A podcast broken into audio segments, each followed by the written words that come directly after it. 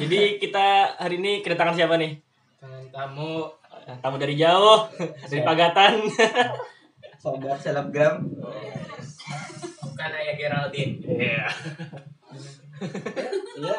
Mungkin bisa memperkenalkan diri. Iya. Oh, nggak ada. Aku perkenalkan. Iya. Nama, nama tempat lahir, status. Pada umumnya. Pada umumnya. Iya, Terserah. terserah. Bahasa Banjar, bahasa Indonesia, ya. Saya perkenalkan nama saya Nisahla. Saya dari Pagatan Tanah Bumbu lahir pada tanggal 25 Oktober 1998. Oh, detail banget. status Status mahasiswi. mahasiswi. Yang ingin sebut nama. Bentar. Sudah masuk semester berapa sekarang? Masuk semester 7. Tujuh. Tua, sudah tua. Tua. Mungkin itu salah. Eh, ketika kita berbicara tentang ayah, kita melihat sosok ayah yang sangat luar biasa kawan-kawan di sini. Nah, eh, Rama, ayah sebagai perempuan nih memandang diri ayah sebagai perempuan, kenapa sih ayah harus dan ingin berkuliah seperti itu? Kenapa ayah tidak memilih untuk nikah? Mungkin kan banyak sekali. Atau langsung berkarir Iya. mungkin.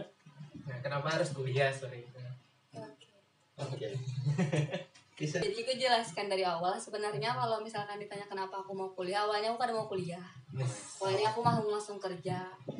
Tapi pada saat itu kedua orang tua aku memberi saran loh nasihat juga karena kata beliau walaupun istilahnya nanti kalau misalkan Aikem sudah berkeluarga terus laki-laki yang menafkahi perem- apa seorang ibu tuh juga harus cerdas harus berpendidikan Nah, tuh.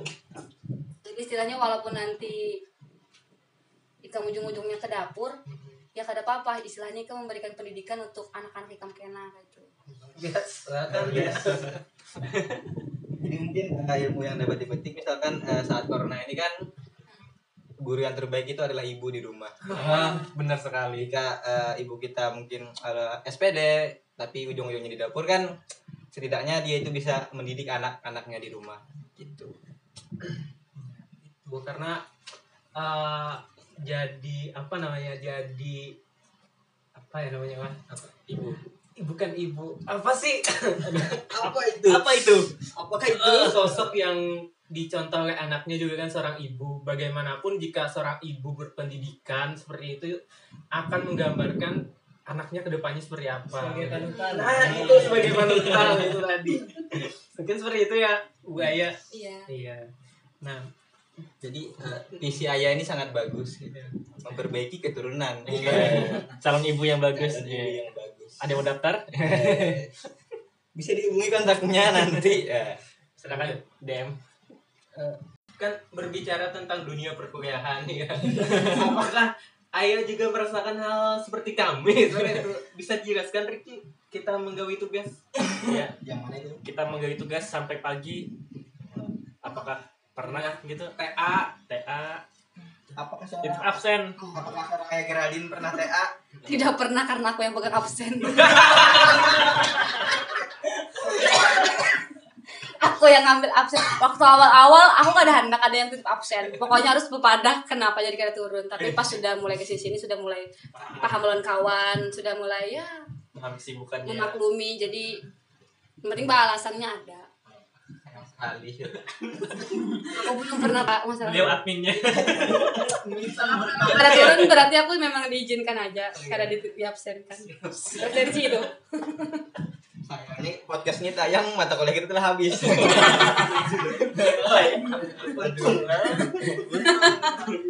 Kalau tidak kan ayah eh TA dong. Jangan jangan jangan. Apakah seorang ayah pernah telat ngumpul tugas? kalau telat Kan pernah.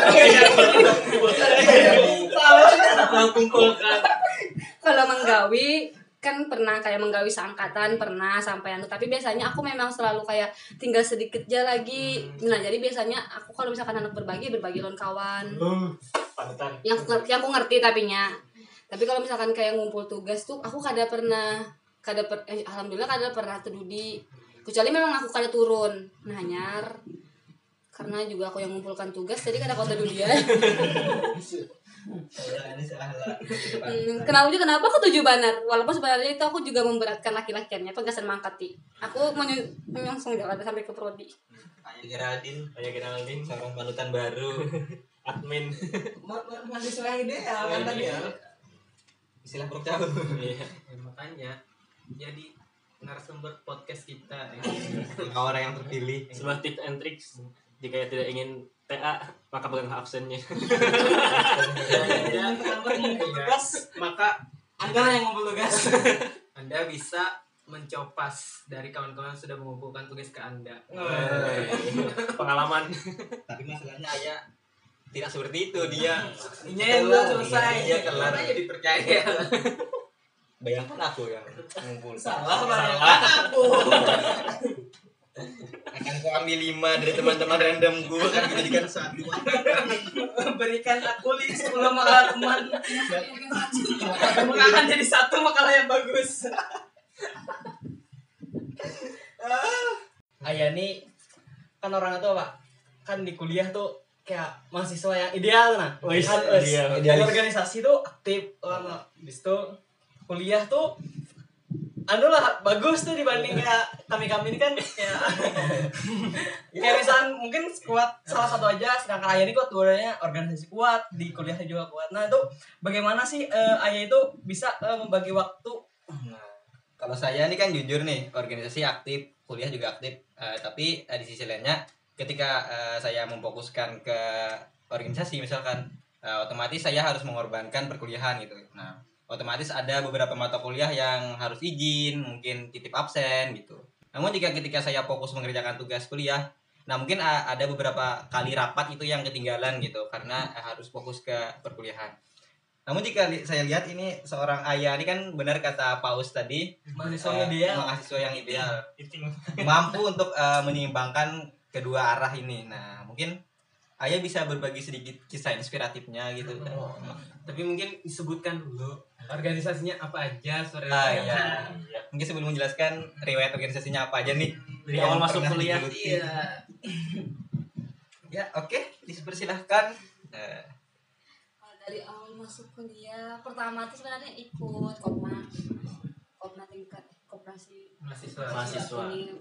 Kemudian ikut eksekutif muda itu didikan, didikan BEM Unlam ULM kemudian masuk lagi di Himageo setelah itu lanjut lagi ke BEM Universitas. Kalau sejauh ini masih itu pang yang kumpati ya tapi eh, mungkin itu mungkin bagi mahasiswa pada umumnya itu termasuk banyak gitu kan. Banyak. banyak. Dan juga ayah ini seorang yang apa ya pasti mempunyai kedudukan yang tinggi seperti itu kan ya. Dan terakhir itu amanahnya itu jadi ketua umum ketua umum wow. di salah satu di salah satu himpunan. iya Wow. juga bendahara SC Wow, luar biasa sekali. Ya mungkin ayah bisa sedikit berbagi kisahnya. Mm-mm. Ya. kalau untuk? Kalau untuk pengalaman sebenarnya mungkin karena jujur awalnya waktu masih sekolah kada terlalu menuntut karena nilai. Jadi apa adanya ya dapat. Terus pada saat SMP kebetulan itu masuk di kelas bilingual yang orang-orangnya orang-orang pintar. Wow. Kebetulan waktu itu masuk juga padahal kada tahu kenapa bisa masuk. Nah di situlah sebenarnya diuji banget karena waktu itu aku pernah ada di urutan paling terakhir bukan terakhir sih Hampir. Hampir. pa- hampir terakhir dari 24 itu aku kalau nggak salah di peringkat 20 dan di situlah aku mulai kayak karena abahku termasuk kada tapi toleran juga kalau misalkan lawan nilai waktu itu mamaku aja yang kadang nah abahku mulailah kayak menyuruh aku supaya buju-buju belajar Iya supaya lebih tekankan. Nah pada saat SMA barulah aku bujur-bujur. Di SMA itu yang kemarin tuh memang aku ada peningkatan langsung langsung masuk ke umum. Nah di situ sebenarnya yang apa? Mungkin juga karena pengalaman loh yang mulai aku belajar kalau semuanya harus seimbang nah dulu tuh waktu SMP aku lebih seimbang ke, organisasi dibandingkan anak akademik pada saat SMA hanya aku mulai mulai bisa membagi keduanya supaya istilahnya abahku juga kada terlalu menuntut banar kayak itu nah. Nah, pada mungkin karena pas SMA aku kebiasaan, kebiasaan lah pada saat kuliah. Kuliah itu pun karena abahku juga. Sebenarnya aku ini kayaknya karena dorongan juga, Bang. Dorongan dari abahku. Abahku maunya walaupun aku kuliah, aku tetap juga aktif di organisasi. Jadi jar abahku selain ikam dapat pendidikan, ikam juga dapat pengalaman. Nah, untuk membagi waktunya sebenarnya memang ada yang dikorbankan. Salah satunya nyata jam guring. Atau pada saat rapat misalkan rapatnya tidak terlalu apa? Gak terlalu berat kayak gitu nah masih kau santai. Biasanya aku selalu bawa tugas. Jadi di situ aku menggawinya.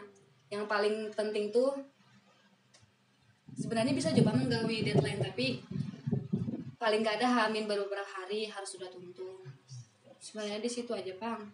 Itu pengen korban akan kadang orang lo kayak masih banyak yang terlalu karena kadang mau guringnya begadang atau kayak apa.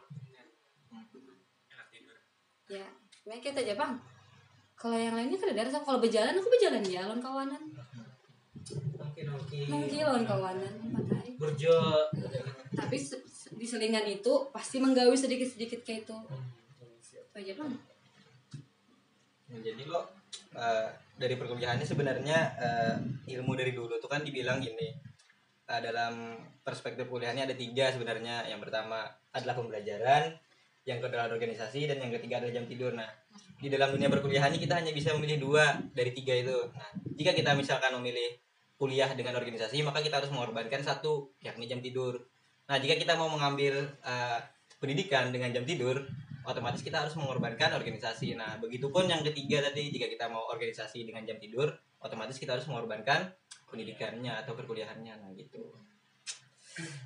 Mungkin eh, seorang ayah, eh, eh, seorang ayah ini sudah terlatih gitu kan dari semasa SMA dan juga SMP. Mungkin ada juga nih kawan-kawan pendengar kita nanti ada yang terkejut dengan organisasi misalnya mau banyak-banyak organisasi tanpa menyeimbangkan akademiknya dan juga organisasinya. Nah dari sana tadi kita mendapatkan pembelajaran seperti itu. mungkin kan ini sudah di mungkin OTW awal tahun nih. Eh, awal tahun maksudnya awal tahun pembelajaran baru bagi mahasiswa-mahasiswa. Nah, kayak ini kan eh, mungkin saat ini memiliki posisi eh, sebagai ketua umum di salah satu himpunan. Nah, mungkin eh, ayah mau menyampaikan sedikit pesan untuk adik tingkatnya mungkin yang baru masuk oh iya. tentang percintaan mungkin atau perkuliahan? Perkuliahan. Mungkin perkuliahan. Perkuliahan ya kita sedikit. Ya, boleh. boleh lah boleh. Ya mungkin Oh, mungkin pesan untuk anda angkatan 2020 jangan banyak sebenarnya kalau misalkan apa kayak semester awal itu usahakan kalau misalkan masuk perkuliahan kalian lebih seperti mengenal teman-teman seangkatan dan kakak tingkat. Jadi kalau bisa difokuskan dulu ke adaptasi dengan lingkungan kampus. Ya yang lain nantilah menyusul semester berapa kayak gitu. Hmm, soalnya itu awal dari kalian karena itu agak berbeda kayak gitu suasananya sama SMA benar-benar kayak kita cari apa-apa sendiri nggak lagi dituntun. Jadi kalau misalkan awal-awal itu ya pokoknya kalian fokuskan dulu sama pendidikan kalian sama akademik. Jadi istilahnya penyesuaian itu di awal. Nggak jangan lagi kayak memikirkan oh ini masa-masa aku senang-senang dulu. Nah karena itu udah beda kayak gitu perspektif pandangannya udah beda udah kayak nggak SMA lagi. Udah. Nah itu kan. Nah tapi kan kita melihat nih angkatan 2020 dan juga kebijakan yang kita yang dikeluarkan saat ini bahwa di masa pandemi secara otomatis kita daring kan. Kita lihat bagaimana nantinya kawan-kawan angkat dan mahasiswa angkatan 2020, 2020 mengenal kawan-kawannya. Seperti itu ya kan? Benar seperti itu kan Iya. mungkin ada tips bagaimana mengenal secara daring. Erwin panggil kan Erwin tuh. Eh jangan jangan oh iya. Kita semalam sudah sepakat untuk menyetop paragraf itu. Enter ke paragraf baru pak. Jangan. Diungkit lagi paragraf yang sebelumnya.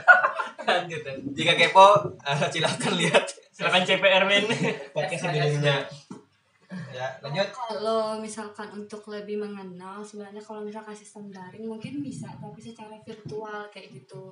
Jadi mungkin lebih banyak-banyak lebih banyaknya teman-teman 2020 itu ya kayak pertemuan yang online kayak gitu. Jadi kan di situ juga, udah kelihatan kayak gitu nah mukanya. Jadi selama sebelum perturun-turun kuliah ya itu sebenarnya alternatif lainnya kayak gitu yang bisa apa dilakukan? Soalnya kan kalau misalkan ketemuan sulit kecuali memang mereka berdekatan kayak gitu ada yang sama dari Banjarmasin atau dari mana kayak gitu.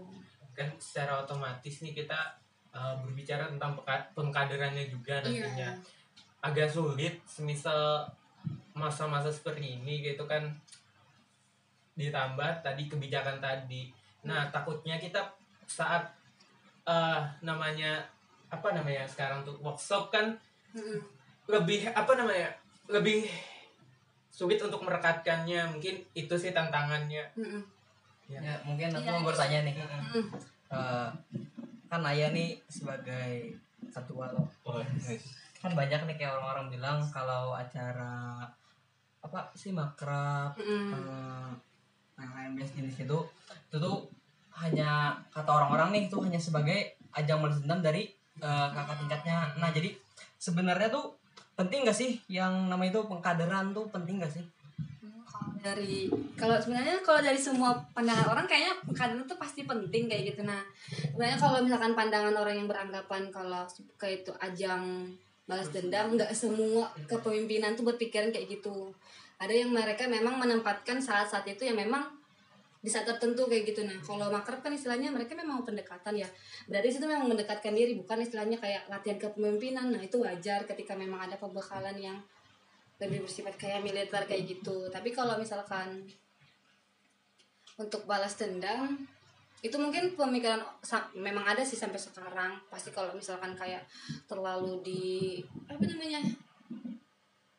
Terlalu dikejam keras. jam terlalu terlalu terlalu keras. Dia terlalu keras anggapannya kayak balas dendam padahal ya enggak. Sebenarnya kalau misalkan memang sesuai dengan kegiatannya dan kita memahami sebenarnya dari kita situ tuh ada maksud. konsep gitu kan Iya punya konsep ada maksudnya kayak gitu. Bukan kalau misalkan memang nggak ada apa-apa tiba-tiba kalian dimarah dimarah-marahin nah itu mungkin kayak ajang balas dendam. Tapi kan biasanya kalau misalkan udah yang zaman-zaman sekarang nih disang, disangkut pautkannya dengan apa yang kita lakukan kayak gitu nah. Jadi kalau misalkan melihat anak-anaknya ya harus didisiplinkan ya otomatis yang lebih harus ditegaskan kayak gitu. Jadi kalau pengkaderan tuh ya memang sangat penting di awal sampai akhir soalnya. mungkin bisa dibilang apa namanya pendisiplinan yang terkonsep. Nah. Harus ada konsep tersendiri Ada kan? konsep tersendiri. juga punya tujuan tertentu. Mm, bukan hanya marah-marah. Paham? Paham ding. Paham. Paham pak paham paham paham. Ding paham nih Kan ada yang bilang tuh jar. Eh, gue tingkat balas dendam. cosplay siapa itu pak dan si ayah ini sendiri ya juga pernah ikut yang namanya Latdas Koperasi Mahasiswa. Ya, ya. ini bisa diceritakan seperti itu seperti apa pengalaman? Iya. Latdas di keseruannya. Iya, keseruan di Kopma iya. Ya. Kalau keseruan di Kopma itu kalau kada salah latdas kedua setelah himpunan. Eh setelah prodi lah. Di situ tuh sebenarnya mungkin itu awal-awal aku bujur-bujur kayak merasain wah memang dasar ini nih penting nih kayaknya kan karena di situ tuh aku kayak belajar banyak disiplin kayak waktu terus kayak apa lawan kawan dan memang bujur-bujur di situ tuh bang kita kayak kawan menemukan jati diri kita sampai bagaimana kita kuatnya kayak itu nah sampai bagaimana kesanggupan kita menghadapi dunia kayak ini nih jadi Siap. hmm, Mantap ya. Siap. ya kalau selama aku lakdas itu memang itu penglatdas yang menurutku memang paling paling memberikan apalah Kesan. ya kesan kayak gitu nah karena memang muncul di latdas gitu bang mungkin uh, fungsi latdas ini salah satunya juga tadi seperti yang uh, ayah bilang tadi apa namanya melihat uh, sejauh mana potensi diri melihat batasan diri itu sampai mana untuk kita melampaui batasan diri tersebut. Nah, jadi kalau ayah melihat ya eh, mungkin adik-adik tingkat kita mungkin ya melihat ada adik tingkat yang apa ya berpura-pura atau acting bahwa dirinya sakit seperti itu. Kalau ayah melihat pandangan ayah seperti itu bagaimana? mungkin perspektifnya Ya perspektif ayah ketika melihat ada adik tingkat pura-pura sakit ini pokoknya tidak mau di ikut kegiatan itu lah Hmm. takut Hmm, Nah, kalau misalkan biasanya sih kalau orang-orang yang takut terus kada berani kayaknya itu sebenarnya kada berani salah, kada berani salah loh. Jadi takutan salah. Jadi kalau menurutku sih ketika orang latdas terus inya kada berani salah ya berarti nya otomatis jangan pernah berharapnya itu bisa bujur. Karena inya pun kada pernah ber- kada wani mencoba sesuatu yang belum pernah inya coba kayak itu nah jadi kalau misalkan kalau aku pribadi karena memang juga dulu dari paski pramuka terbiasa dikitukan jadi aku agak kayak nggak terlalu suka kalau misalkan ada orang sebenarnya nya tuh kada sakit tapi cuma pura-pura sakit kayak itu nah ya istilahnya berarti ikam kada bisa menerima pengalaman hidup baru ke di hidup ikam kayak itu nah. Dan menurutku itunya kada terbuka dengan dunia luar masih tertutup dengan dunia sendiri. Betul betul saya setuju. Yang hari itu. Nah mungkin eh, kan tadi berbicara tentang organisasi pastinya menyita banyak waktu. Semisal nih, ayah kan juga pernah yang namanya dunia percintaan. percintaan serius. berarti kan otomatis supoinya nambah lagi satu. Ya, bukan hanya waktu tidur ya kan, juga harus ada waktu bersama. mungkin penyemangat. Iya, Mungkin penyemangat, bahasanya itu mungkin bahasanya itu uh, quality time. Nah. itu. Mungkin bagaimana ayah menanggapi itu kan tadi kan uh, dari pembahasan kita kan ada tiga ada akademis ada organisasi dan ada jam tidur nah Ya. ketika uh, ada satu poin lagi nambah yakni percintaan nambah otomatis kan uh, subnya ada empat nah jadi bagaimana uh, seorang ayah itu menyeimbangkan keempatnya tadi Putus saja. atau mungkin kita uh, sudahi saja dulu fokus UN Hmm, kalau dari aku sih sebenarnya waktu kalau bicara soal apa sih namanya cin hubungan percintaan lah gitu lah. Kalau aku hitungannya kalau pacaran agak lawas. Jadi beberapa kali pacaran tuh pasti kayak hampir bertahun-tahun kayak gitu. jadi yang terakhir kemarin sebelum kuliah itu pacaran kebetulan seorganisasi. Jadi kayak sama-sama mengerti Inya paham aku dan aku paham Inya jadi pada saat SMA terus apa awal-awal kuliah tuh kayak ya kada kada ada yang terbagi kayak itu nah karenanya mengerti juga nah pas sudah kada lagi nih lawan yang itu Oh. nah mulai hanya aku dekat dekat lawan beberapa orang yang oh beberapa beberapa. Pastinya beberapa. karena cuma dekat aja loh dekat cuma ya itu pang kadang orang ada yang kada bisa menyimbangkan antara kehidupan pribadinya lawan ketika ingin tulen orang lain. Mungkin aku salah satu orang itu. Aku kada bisa. Mungkin pada saat kuliah aku sudah mulai kada bisa terlalu diatur. Kada terlalu bisa. Sebenarnya aku bisa membagi membagi waktu. Cuma kadang yang aku kada bisa itu ketika aku terlalu di diatur. Kalau soal berjalan atau misalkan hendak ke mana kayak itu nah berjalan ya itu harus izin sebenarnya Harus, harus.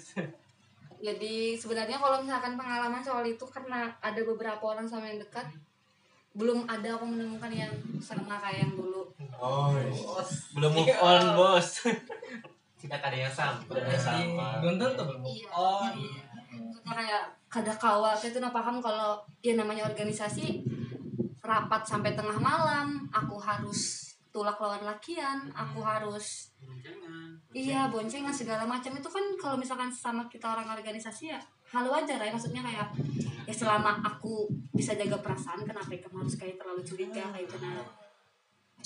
Hmm. harus insecure. Mungkin eh, yang dapat dipetik dari pernyataan ayat tadi gini. Carilah pasangan yang satu frekuensi dengan kita. Jika jika pasangan tersebut satu frekuensi dengan kita maka eh, semua akan berjalan beriringan. Ya itu harus satu frekuensi. Wah iya. Wah iya. Tidak seperti itu. Tidak seperti itu. Tidak seperti itu dong. Saya hanya mengutip pak. Saya pasti uh, orang-orang yang tahu tentang tips-tips itu pastinya sudah mengalami banyak hal seperti itu pak. Yang tidak dapat dipungkiri. Dan di Erwin ini dikenal sebagai itu tadi. Iya. iya jangan gitu pak. Didengar. Tidak dengar didengar. Dengar dengar astagfirullah. Berbicara mantan. Masuk apakah seorang ayah pernah menyukai seseorang lelaki di angkatan gitu? Atau di prodinya itu? Bicara mantan. Kita sebutkan dulu. Sempitkan dulu. Kan dulu. Ayah pernah jatuh cinta dengan laki-laki seangkatan tidak. Tidak. Sama sekali tidak? Kada pernah. Menyukai? Mengagumi? Mengagumi? Tidak pernah yang mungkin tidak tahu kada tahu kenapa pas kuliah tuh kayak nganggap pada saat bekawanan tuh nyaman bekawanan jadi kayak kada ada lagi yang friendzone Iya, friendzone. Itu hendak tapi terjebak dengan banget. aduh ini aduh istilah nih asal ada friendnya. Sudah friend zona zona teman kok Kalau itu menganggap teman, kalau misalkan sangkatan, tidak ada sangkatan? Kededa. serius? Serius kok, kededa. pikirkan tidak Tidak. diberikan tidak seperti anda Karena kan pada saat kita awal-awal tuh kan aku bisi pacar. Ah, iya. Terus pas sudah aku bisi sudah aku putusin pacarku tuh kan sudah ada kakak tingkat juga. Ayo, Oh. kakak tingkat yang eh jangan salah mungkin masih dekat. Ya, bukan pacar. Ya mungkin pacar. berarti pas masih pacaran sudah dekat tapi mungkin eh, jika tidak ada kakak tingkat tadi ada potensi mungkin naksir dengan teman seangkatan? Sangkatan ada tapi nggak beda prodi. oh. Beda prodi. Pasti. Seangkatan ada tapi beda prodi. Soalnya kan kita di prodi itu pasti kita satu kelas terus seperti itu kan. Kan nyamannya berteman. Iya, kalau nyaman memang berteman gitu kan. Atau itu kenapa melatih mau? Apa kan dipisah gitu loh semester satu dua. Iya. kelas A yang salah libur. Sabar ya Kak Bella. kami cinta dengan kami kami tidak mau meluangkan waktu di kos tidak mau. Kami pokoknya harus di kampus. Masuk banget. Mahasiswa. Hmm. visioner masih. Idealis. Oh idealis. Idealis masih. Istilah bercahul gila. Ah, kita bertanya tentang uang. Uang. bagaimana seorang Anis Ahla itu manajemen kiriman? Sebagai anak kos. Sebagai anak kos. Karena jujur. Saya dikirim satu bulan itu belum sampai satu bulan udah habis. Mungkin ayah bisa memberikan manajemen. Manajemen Sebenarnya kalau misalkan kayak itu di awal kuliah gin. Awalnya kayak menghitung uang bensin setiap berapa hari harus diisi itu sudah dihitung. Duit makan per hari dihitung. Ada jumlahnya nih. Sekalinya awal apa bulan pertama dicobai belum sampai bahkan belum sampai 15 hari sudah habis. siap Nah, jadi sebenarnya yang cara aku lakukan hanya-hanya pada saat naik semester berapa lah. Hanya mulai aku kayak ada aku tuh sengaja cari dompet yang ini tuh kalau disisihkan uangnya. Nah di dompet itu kok andaki kayak label ini untuk bayar bensin, ini bayar keamanan, ini bayar makan, ini kuota. Nah jadi di situlah aku kayak kalau misalkan sudah habis duit gasan di jalanan biasa yang nukas snack kada lagi aku pakai. Sebenarnya di situ aku mencoba. Kalau misalkan awal awalnya ya sama aja kayak yang lain belum sampai 15 hari sejuta lebih itu habis dah. Wow oh ternyata ayah seorang yang hedon apalagi apalagi cewek ini loh kada kamu mau skincare apa bukan kada kamu makanan yang unik bukan. Tapi aku kalau soal makanan aku kada pernah menolak lah pasti. Kita tuh kan hal yang tidak bisa kita tahu ya makanan. Lebih baik makan. Jadi itulah alasan kenapa Swada akhir-akhir ini mengembang. Kalau makan. Nah, jadi berbicara tentang dompet yang ber ya, jadi apakah worth it untuk seorang ayah? Kalau untuk aku itu worth it. Kalau untuk aku karena di situ aku kayak ah duit ini habis oh, jangan lagi dipakai nih. Kalau kadang aku udah kadang kadang kuota gitu. Nah, soalnya itu bang makan dan kuota yang paling penting dua hal dalam hidup. Karena aku kalau dulu aku terlalu memikirkan skincare karena menurutku ya biasa karena tapi sebelum sakit hati sebenarnya. Fakta menarik. Ayah menjadi cantik ya karena untuk membalas dendam. itu sebenarnya salah satu tujuan perempuan juga bang. Oh, seperti itu ya pantas saya mantan mantanku cantik. Eh, ah orangnya jangan. Mungkin dendam yang paling efektif bagi perempuan Iya. adalah menjadi cantik. Tik. Sehingga mantan yang telah menyakitinya itu berpaling dan menatapnya dengan wah mantanku makin cantik. Ya. pengalaman ini Erwin kan ada empat puluhan Astagfirullahaladzim. Tidak seperti itu, Pak. Saya ini yang anak baik-baik, Pak. Jangan dirusak Pak citra saya, Pak. bukan karakter Jangan bunuh karakter saya, Pak. Pertanyaan selanjutnya, apa hobi seorang ayah Geraldine? Hei, aku hobi nge-youtube. Bang. Yes. Aku hobi jalan-jalan. Oke. Terus Emang itu sih? Apakah hobi mengganggu? enggak mengganggu kadang apa? kadang mengganggu apa deh tapi nya? Mengganggu perkuliahan atau percintaan atau organisasi? Enggak biasanya kalau misalkan memang kayak organisasi aku pasti pada dulu kalau aku rapat. Jadi habis rapat hanya di jalan. Oh. Eh kan rapat-rapat tuh bisa sampai pagi. Eh sampai pagi sampai pagi. Ya pernah mulai malam sampai pagi itu pernah kan nah itu bagaimana? Apakah orang tua tahu? Oh iya. Dan sebagainya. Kalau itu. Kalau itu orang apa aku mau aku tahu? Aku rancang kepada hanya bule. Yang abahku tuh kada terlalu maanui soal itu. Yang penting aku kawan menyeimbangkan antara aku kuliah lawan aku organisasi. Jadi kalau soal itu aku pasti selalu pada. Aku selalu pada aku lawan siapa aku pada aku tuh lawan siapa. Jadi aku aku tuh kayak banyak dah tahu ngaran-ngaran kawananku aku tak ada eh, Apa? tahu rasanya Oh. Seorang dada. sebuah fakta baru rusak karakter Seorang suhada diketahui ayah-ayah. Soalnya abahku tuh kalau aku majang foto pasti kayak bertakun itu siapa, itu siapa, itu siapa. Jadi nanti aku pasti menjelaskan. hmm. Dada orang berabai. ada Perusahaan karakter. Nah kan ayah nih eh, orang perantauan tuh di sini. Eh. Jadi bagaimana seorang ayah eh, apa sih namanya? Apa? Eh ah oh. Menyimbangkan. beradaptasi. Oh, ya. pasti atau mati Iya. Eh, kalau beradaptasi, Dengan kebiasaan dari kampung itu oh menyesuaikan. kalau kebiasaan dari kamu ambil mungkin karena terlalu jauh beda sih sebenarnya di sini loh di sana. Cuma memang di sini awal awalnya aku agak agak bingung soal jalan karena kan Banjarmasin ini luas loh. Jadi kemarin tuh pas awal awal jadi abahku yang memadahi selama sebulan tuh kamu harus berjalan jadi kamu kau hafal jalan nah di situlah aku bisa menghafal jalan terus kalau soal beradaptasi aku mungkin agak kurang anu tuh kalau misalkan di lingkungan kontrakanku karena kan di situ rata-rata orang begawian aku yang kuliah. Jadi kadang tuh ada aja tetangga yang kayak kalau kita datang tuh tengah malam kayak dijinguk itu wajar Hmm, pak karena tapi kadang ada juga yang menakuni kabar anu menakuni kabar kayak menakuni datang mana itu ada aja juga. Hmm. tapi ada juga yang kayak kada peduli aja walaupun kita senyum. Kayak itu kan yang kadang aku kada terlalu suka. Soalnya kan kalau di daerahku kalau kenal kada kenal yang penting sedaerah pasti senyum. Villager. Percaya gitu ya.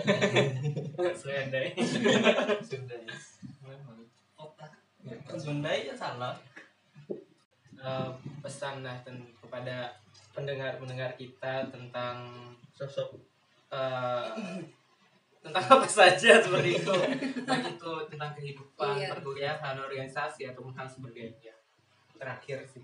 Ya terakhir. Mungkin pesanku pesan kawan-kawan di luar sana yang misalnya belum kuliah atau yang masih tergelut dengan dunia sendiri tanpa mau mencoba dunia men- apa mencoba untuk menghadapi dunia luar mulailah supaya menjajakan kaki kayak gitu nah soalnya sebenarnya pengalaman itu yang membuat ada perubahan di diri kita kalau misalkan itu itu aja ya kita stagnan di situ aja.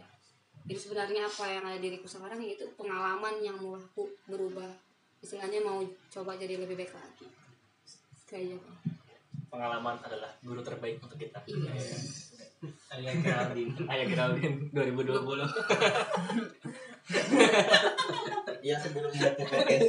Ya sebelum menutup podcast ini eh, mungkin inilah eh, sosok dari seorang ayah yang tidak banyak orang ketahui. Nah mungkin ini eksklusif eh, kami tayangkan. Nah jadi yang positif positifnya di ayah silahkan diambil silahkan diayati silahkan untuk diterapkan jika perlu. Namun jika ada mungkin yang buruk-buruknya dari uh, apa yang ayah sampaikan tadi mungkin uh, jadikan sebagai pembelajaran untuk kita semua. Seperti yang TA tadi kan? Nah jadi jadi kan aku belajar jadikanlah pembelajaran